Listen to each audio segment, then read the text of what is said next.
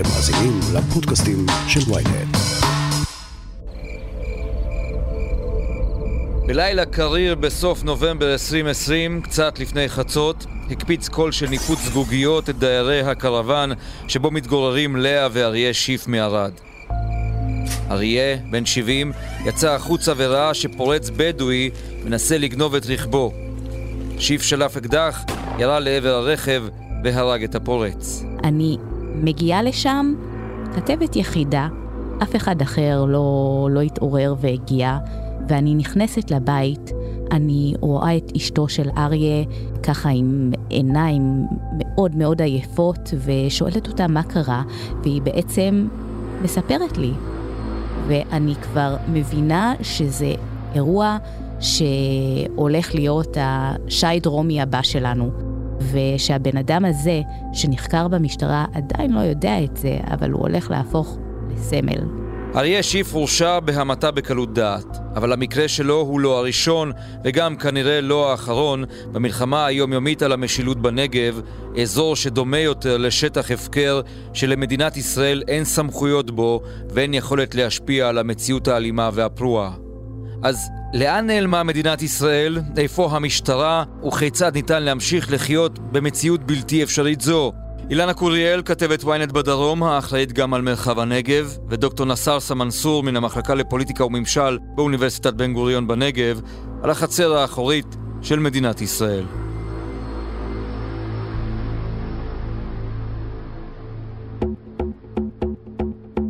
הכותרת, הפודקאסט היומי של ynet עם עטילה שומפלבי. אז אילנה, אנחנו שומעים המון על הפרוטקשן בצפון, על האלימות בדרום, על הבדואים שעושים מה שבא להם. את חיה שם, את מסתובבת שם, זה באמת עד כדי כך גרוע? זה קצת מסובך, כי יש אה, איים של חוסר משילות בנגב. זה לא שכל הנגב פרוץ ומסוכן ואנשים מפחדים לנסוע בכבישים, אבל זה פשוט איים כאלה, חורים שחורים, אה, אזורים שבהם המשטרה לא נוכחת. החוק הוא לא לכולם. וכשאין לך את החוק, כשאנשים לא מאמינים בו, אז גם אין לך משילות. אמרת שהמשטרה לא נוכחת בכל מקום, היא לא מופיעה. זה אומר שיש קבוצות באוכלוסייה, ואני אגדיר, בדואים, שיכולים לעשות מה שהם רוצים, כולל להסתובב עם טנדרים ונשקים שלופים ויריות באוויר, כולל השתלטות על כבישים, ואף שוטר לא יופיע? זה לא, זה לא בכל מצב, אוקיי? אני גרה בבאר שבע, אני בתור תושבת באר שבע, אגב, חשה בטוחה לחלוטין. אני גם אה, יכולה לנסוע בכבישים בלילה, אני גם מרגישה בטוחה, אבל תושב רהט, תושב חורה, כשהוא יצלצל 100, הוא לא יקבל את אה, אותו שירות שאני מקבלת. הוא לא, הוא לא תמיד יקבל את uh, אותו מענה, ואלה ההבדלים, uh, והוא גם לא, לא ירצה uh, לצלצל 100. Uh, בוא, בוא נחזור עכשיו לאחור, לתקופה של uh, שומר חומות, למהומות הנוראיות שקרו. הכבישים של הנגב באותה תקופה, כן? Uh, עכשיו כמובן uh, הכל uh, נרגע, אנחנו יכולים לנסוע בבטחה, אבל בשלושה הימים האלה אנשים לא נסעו בצירי התנועה. לאזרחים נשללה מהם הזכות לנוע בחופשיות, והמשטרה הייתה, וכואב לי להגיד את זה, חסרת אונים. כי מה? כי אין כוח אדם? כי אין מוטיבציה? כי לא הייתה הנחיה מלמעלה להשתלט על המציאות? כי הנגב או הדרום מופקרים באופן סיסטמטי לאורך שנים, כי מדובר בפריפריה, אז שיסתדרו. מה הוביל אותנו לנקודה הזו? בנקודה הזו זה שילוב של uh, כמה דברים. ספציפית, כוחות uh, מג"ב וכוחות של uh, יחידת יואב, כוחות נוספים מיוחדים, הגיעו לירושלים. בעצם לא היו לך כוחות מיוחדים שמיועדים לטפל בהתפרעויות כאלה בכבישים, כי כולם הלכו למקום אחר. ירושלים כמובן אה, יותר מעניינת ויותר חשובה מאשר אה, הדרום. אז כשיש את ירושלים ויש את באר שבע, את הנגב, אנחנו, ברור לנו איזו בירה תזכה בכוח האדם המיומן שיוכל להשתלט על התפרעויות. עכשיו, אמנם ביום השני הגיעו כוחות אה, נוספים, אבל עדיין כביש 25, כביש 40, כביש 31, אלה צירי תנועה מרכזיים, פשוט אי אפשר היה לנסוע בהם. המשטרה אמרה לאנשים, אל תיסעו בכבישים האלה, אנחנו לא נוכל להגן עליכם. שזה מופרע ומופרך בפני עצמו, להגיד לאנשים במדינה סוברנית, במדינת חוק, אל תיסעו בכביש כזה או אחר, כי אנחנו, השלטון, המושל, הריבון, לא יודעים לשמור על האזרחים. זה... נכון, זה איזושהי גם נקודת uh, קיצון. Uh, באמת זה היה, אולי uh, נוכל uh, להשוות את זה לאיזשהו uh, סיר מבעבע, שפשוט אותם ימים הוא גלש על גדותיו, והיו לך תושבי המגזר הבדואי, אום בטין, חורה, כסייפה, ערערה בנגב, שפשוט אה, יצאו לכבישים וממש הטילו אימה על כל אחד. אנשים רואים מי יהודי, מי ערבי, מי יכול לעבור, ואת מי צריך אה, לסקול באבנים. במגזר היהודי אפשר לתת אה, כדוגמה את השומר החדש, שכמובן אנחנו שומעים עליו גם בצפון.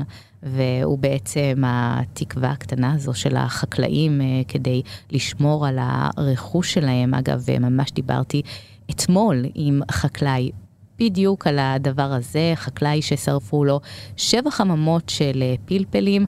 אגב, כל דבר כזה זה מפעל חיים, מפעל חיים שעולה באש, מפעל חיים שנגנב, והפתרונות האלה זה בעצם, שוב, פתרונות של אנשים שמחפשים את החוק, הם לא מוצאים אותו במשטרת ישראל, כי המשטרה באמת עומדת קצת אה, חסרת אונים מול הפשיעה הזו, היא לא יכולה להיות בכל מקום, והם פונים אה, לארגונים כאלה.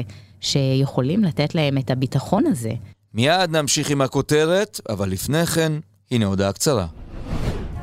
אהלן, זה עופר שלח. אני רוצה להזמין אתכם להאזין לפודקאסט החדש שלי מבית ynet. קוראים לו האמת היא, ובכל שבוע אני אשוחח בו עם דמות אחרת על סדר היום העתידי של ישראל, שזו דרך יפה להגיד שנדבר על כל מה שבאמת חשוב שהפוליטיקה תעשה בשבילנו. אז חפשו האמת היא באפליקציות הפודקאסט שלכם, יהיה מעניין. האמת היא, עם עופר שלח. עם עופר שלח.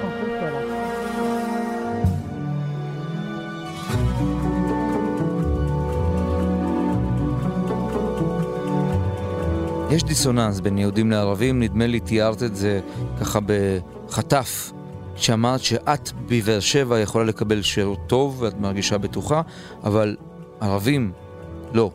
יש דיסוננסים, יש הבדלים גדולים בין יהודים לערבים, מוגדרים כמעט. כן, ועד שהחוק שלנו לא יהיה שוויוני, עד שבדואי בנגב לא ירגיש שהוא מקבל את אותו שירות שמקבל יהודי בבאר שבע, במיתר, בעומר, אז אנחנו לא, לא, לא תהיה לנו משילות. גם תסתכל על, ה, על היישובים, עומר, מיתר, ליד זה חורה, תל שבע, היישובים היהודים הכי עשירים והכי מבוקשים, חיים ליד, אה, כמה מטרים ליד, אה, חי אה, בדואי באוהל, בעוני הכי עלוב שיש. וזה לא מצב שהולך להשתנות בקרוב. המדינה פשוט לא מטפלת בזה, זה לא נמצא בראש סדר העדיפויות שלה. הדברים האלה גולשים החוצה, רק תסתכל, את הפשיעה החקלאית, הפרוטקשן. איך העבריינות הזאת מתאפיינת באמת? תן לנו קצת דוגמאות. רוב העבריינים שם, המשטרה מסווגת אותם כאזרחים ישראלים לא יהודים. זה איזושהי פרפרזה, ככה אנחנו נוכל אה, לכנות. אה, ערבים. ערבים, כן, אזרחים ישראלים לא יהודים. עכשיו, משהו כמו 82% מהתיקים בארבע השנים האחרונות הם אה, נפתחו בעקבות אירועים ביישובים יהודים. ואותה הפשיעה, אותה עבריינות במגזר הערבי, מגיע בסופו של דבר לפתחנו, לאותם יישובים יהודים. אגב, הרוב המוחלט של התלונות של העבירות הפשיעה החקלאית, אלה תיקים שנסגרים. הסיבה, עבריין לא נודע. יש ארגוני פשיעה או שזה כנופיות? אלה כנופיות שפועלות שם במרחב? אני מניחה שאפשר אה, לתאר את זה ככנופיות, אולי בעצם אנחנו מתארים את זה ככנופיות רק בגלל שזה במגזר, אבל אתה יודע מה? כן, אלה משפחות אה, פשיעה, אה, בדיוק כמו שאנחנו רואים במגזר היהודי. ואגב, הפשיעה, אותן משפחות עברייניות, יש להם בעצם חלוקה שבטית, לדוגמה סמים. הם מחלקים את האזורים, את אזורי ההברחות אה, בין המשפחות, כל משפחה, אגב, הם מגדלים ככה דורות של התנהגות עבריינית, ושוב, המדינה לא עושה עם זה משהו, זה לא רק המשטרה.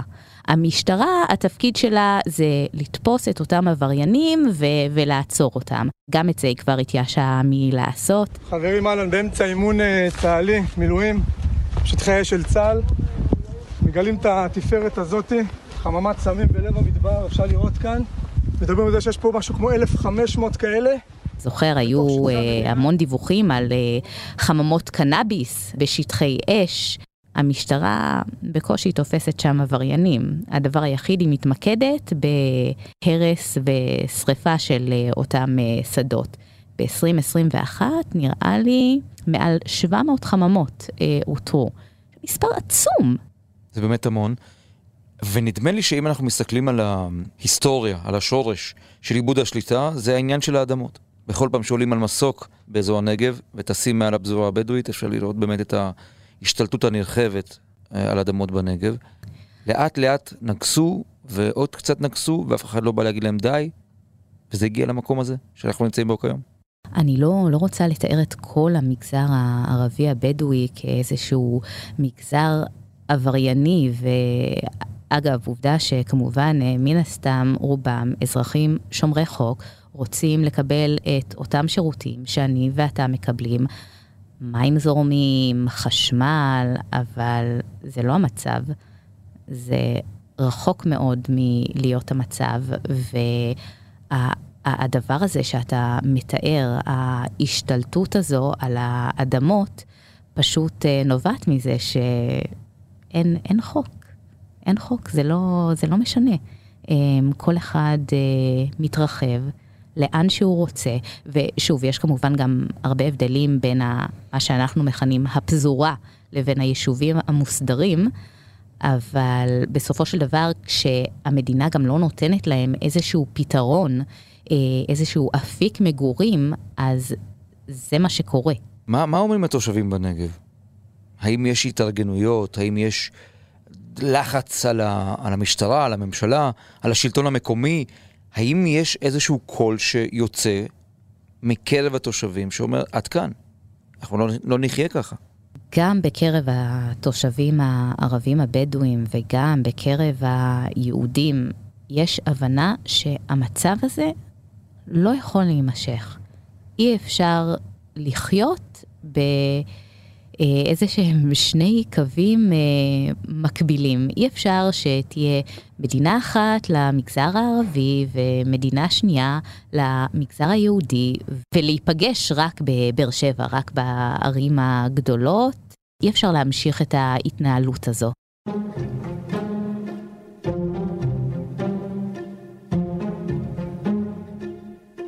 דוקטור מנסור נסר סרה מהמחלקה לפוליטיקה וממשל באוניברסיטת בן גוריון בנגב. תאר לנו בבקשה את המצב בכפרים הבדואיים הלא מוכרים, כפי שאתה רואה אותו. אלו uh, בעצם uh, כפרים ערבים שנמצאים כאן uh, המון שנים לפני בעצם קום המדינה. רוב הכפרים האלו הם מוכרים בכל המפות הבריטיות והעות'מאניות. הם לא מוכרות ישראלית, וזו סוגיה בפני עצמה. וחלק גדול מהם בעצם אה, היו תחת משטר צבאי מ-1948 עד 1967. אנחנו מדברים היום על 37 אה, בעצם כפרים לא מוכרים, שכמעט מחצית מהאוכלוסייה הערבית בנגב מתגוררים בכפרים האלה. כפרים שאין להם כתובת, אה, כפרים שהם לא מתוכננים, הם כפרים חלקם כפרים חקלאיים וחלקם כפרים אה, בעצם שיש בהם אלפים שמתגוררים בהם. אבל אה, כמובן, כפי שאתם יודעים אולי, אה, היא בעצם אוכלוסייה ישראלית שלא מקבלת את הטיפול 70 שנה או יותר, והמצב הוא מאוד מאוד מורכב כלכלית וגם מבחינת התשתית 37 כפרים בעצם שתושבי המקום מבקשים כבר הרבה שנים להכיר בהם וזה עדיין, uh, עדיין לא קורה וזה בעצם מוסיף למצב המורכב. מה הדרישות המרכזיות שהיית מדגיש מבחינת האוכלוסייה הבדואית? אני חושב שיש פה uh, סכסוך מורכב, זה לא רק עניין של הכרה בקופות הבעלות, אז יש פה דרישות uh, שהאוכלוסייה הערבית הזו הכי מפלשת בארץ מבקשת בעצם הכרה בכפרים האלו לקבל זכויות מלאות כתושבים אזרחי המדינה מבחינת תכנון, מבחינת תשתית, מבחינת הכרה אה, ביישובים האלו וגם הרבה מעבר לזה מערכת החינוך צריכה טיפול מאוד מאוד אה, מהותי תכנון אה, ערים או כפרים בצורה יותר שעונה על הדרישות של האוכלוסייה הזו. חלק מהאוכלוסייה הזו כמובן היא אוכלוסייה חקלאית. רוצים להישאר בסגנון החיים חקלאי כמו שהרבה מהאוכלוסייה היהודית כאן שמתגוררת בדרום היא נהנית מזה מושבים וקיבוצים למיניהם חוץ מסוגיית ההכרה, כמובן יש הרבה סוגיות אחרות שהן בעצם קשורות לאלמנטים הכלכליים, לפתח אזורי תעשייה, לפתח בעצם אופציות אה, כלכליות לאוכלוסייה הזו. בזמנו של אהוד אולמרט, היא הציגה מתווה להכיר בכמה שיותר כפרים כאן בנגב, ואז הגיעה ועדת בראבר ודחתה את ההצעות האלו, ועד היום אנחנו uh, בעצם כאן בדרום לא רואים שום התפתחות בכיוון של ההכרה בכפרים האלו, וגם לשים דגש על הסוגיות הכל כך קשות ומורכבות, לאוכלוסייה כל כך מוחלשת, uh, שבעצם לאף אחד לא אכפת ממנה המון שנים. אבל אי אפשר להתעלם מן העובדה שיש לא מעט אלימות שם בדרום, והמשטרה חוששת להתקרב ליישובים הבדואיים. איך אתה מסביר את הנתק הזה? קודם כל יש פה uh, קריסת מערכות. קריסת מערכות במובן הזה שהמנהיגות השבטית, החמולתית, ההיסטורית היא בעצם לא כל כך uh, מתפקדת, כי אין, אין היכרות במוסד הזה שנקרא uh, בית דין שבטי או מערכת, מערכת שבטית. אז uh, יש פה uh, uh, בעצם מספר גדול של תושבים שגרים במקום כמו, כמו רהט, אנחנו מדברים על 80 אלף תושבים, המקום הזה לא יכול להכיל 80 אלף תושבים, אין, אין דבר כזה. התכנון של העיר עצמה לא נכון, הוא לא עונה על הקריטריונים, אז ברגע שיש תכנון כל כך מורכב שלא עונה על הדרישות של האוכלוסיות, אז התוצאה היא, היא ברורה, שיש פה אלימות ויש פה uh, גם uh, חוסר בשיטור. Uh, עיר כמו רהט שיש בה 80 אלף תושבים, בקושי לפעמים רואים כמה ניידות במהלך הימים העמוסים לפני החג לדוגמה. אז צריך גם לתת מענה לסוגיה הזו של של שיטור הולם שיכול לשמור על, על הסדר וגם יכול להיות נוכח אם זה אגב באום אל-פחם ואם זה גם בלוד וברמלה וגם בטייבה זה אותו סיפור, זה סוגיה של יחס של משטרה לאוכלוסייה המקומית ואיפה בעצם השיטור בסוגיה הזו של הכפרים הערביים והערים הערביות, לא רק כאן בנגב. רע"מ החליטה לקדם את השיח האזרחי שמחבר בין כולנו. אף אחד לא מכר את הנגב לרע"מ. הנגב עדיין נשאר בתוך מדינת ישראל. תושבי הנגב הם אזרחי מדינת ישראל. שאלה אחרונה שאני רוצה לשאול אותך, היא נוגעת כמובן להסדרת היישובים האלה. יש למישהו אינטרס להסדיר, או שהכל זה הצגה? אה, אני אגיד לך היסטורית, ב-1951 הייתה ועדה בשם ועדת וייץ, שהקימה הממשל הצבאי בזמנו, לטפל בסוגיה של בעלות. בשנות ה-70 הייתה הדעה של המדינה שאנשים יגיעו לרשום את הקרקעות שלהם, אנשים הגיעו בהמוניהם וגם רשמו את הקרקעות האלו.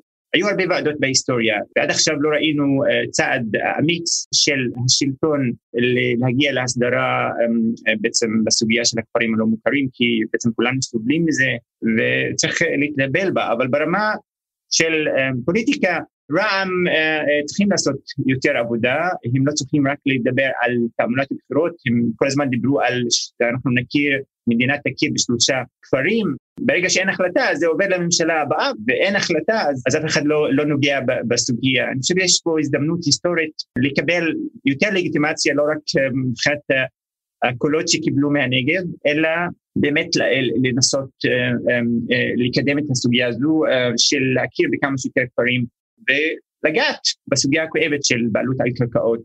הגיע הזמן של בעצם של מוסדות המדינה ברמה של הממשלה, באמת לדבר עם האוכלוסייה הזו ולנסות לתכנן כפרים וגם אפילו ברמה של עיר מודרנית שתענה על חלק מהצרכים של האוכלוסייה הזו, וזה, וזה אפשרי.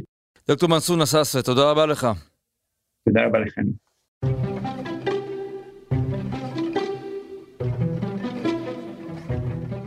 אילנה קוריאל, את חושבת שניתן להסדיר את הסוגיה של הבדואים בנגב, אדמות, יישובי קבע, כל הסיפור הזה, זה יכול להגיע לפתרון? תקשיב, הפתרון הכי טוב הוא פשוט להשקיע בחינוך, בתשתיות. הפתרון זה לא המשטרה, משטרת ישראל היא לא הפתרון, היא, כמו שאוהבים לומר אה, שוטרים, היא חדר המיון. היא בעצם הגורם שאליו מגיעים כולם אחרי שהכל אה, התפוצץ.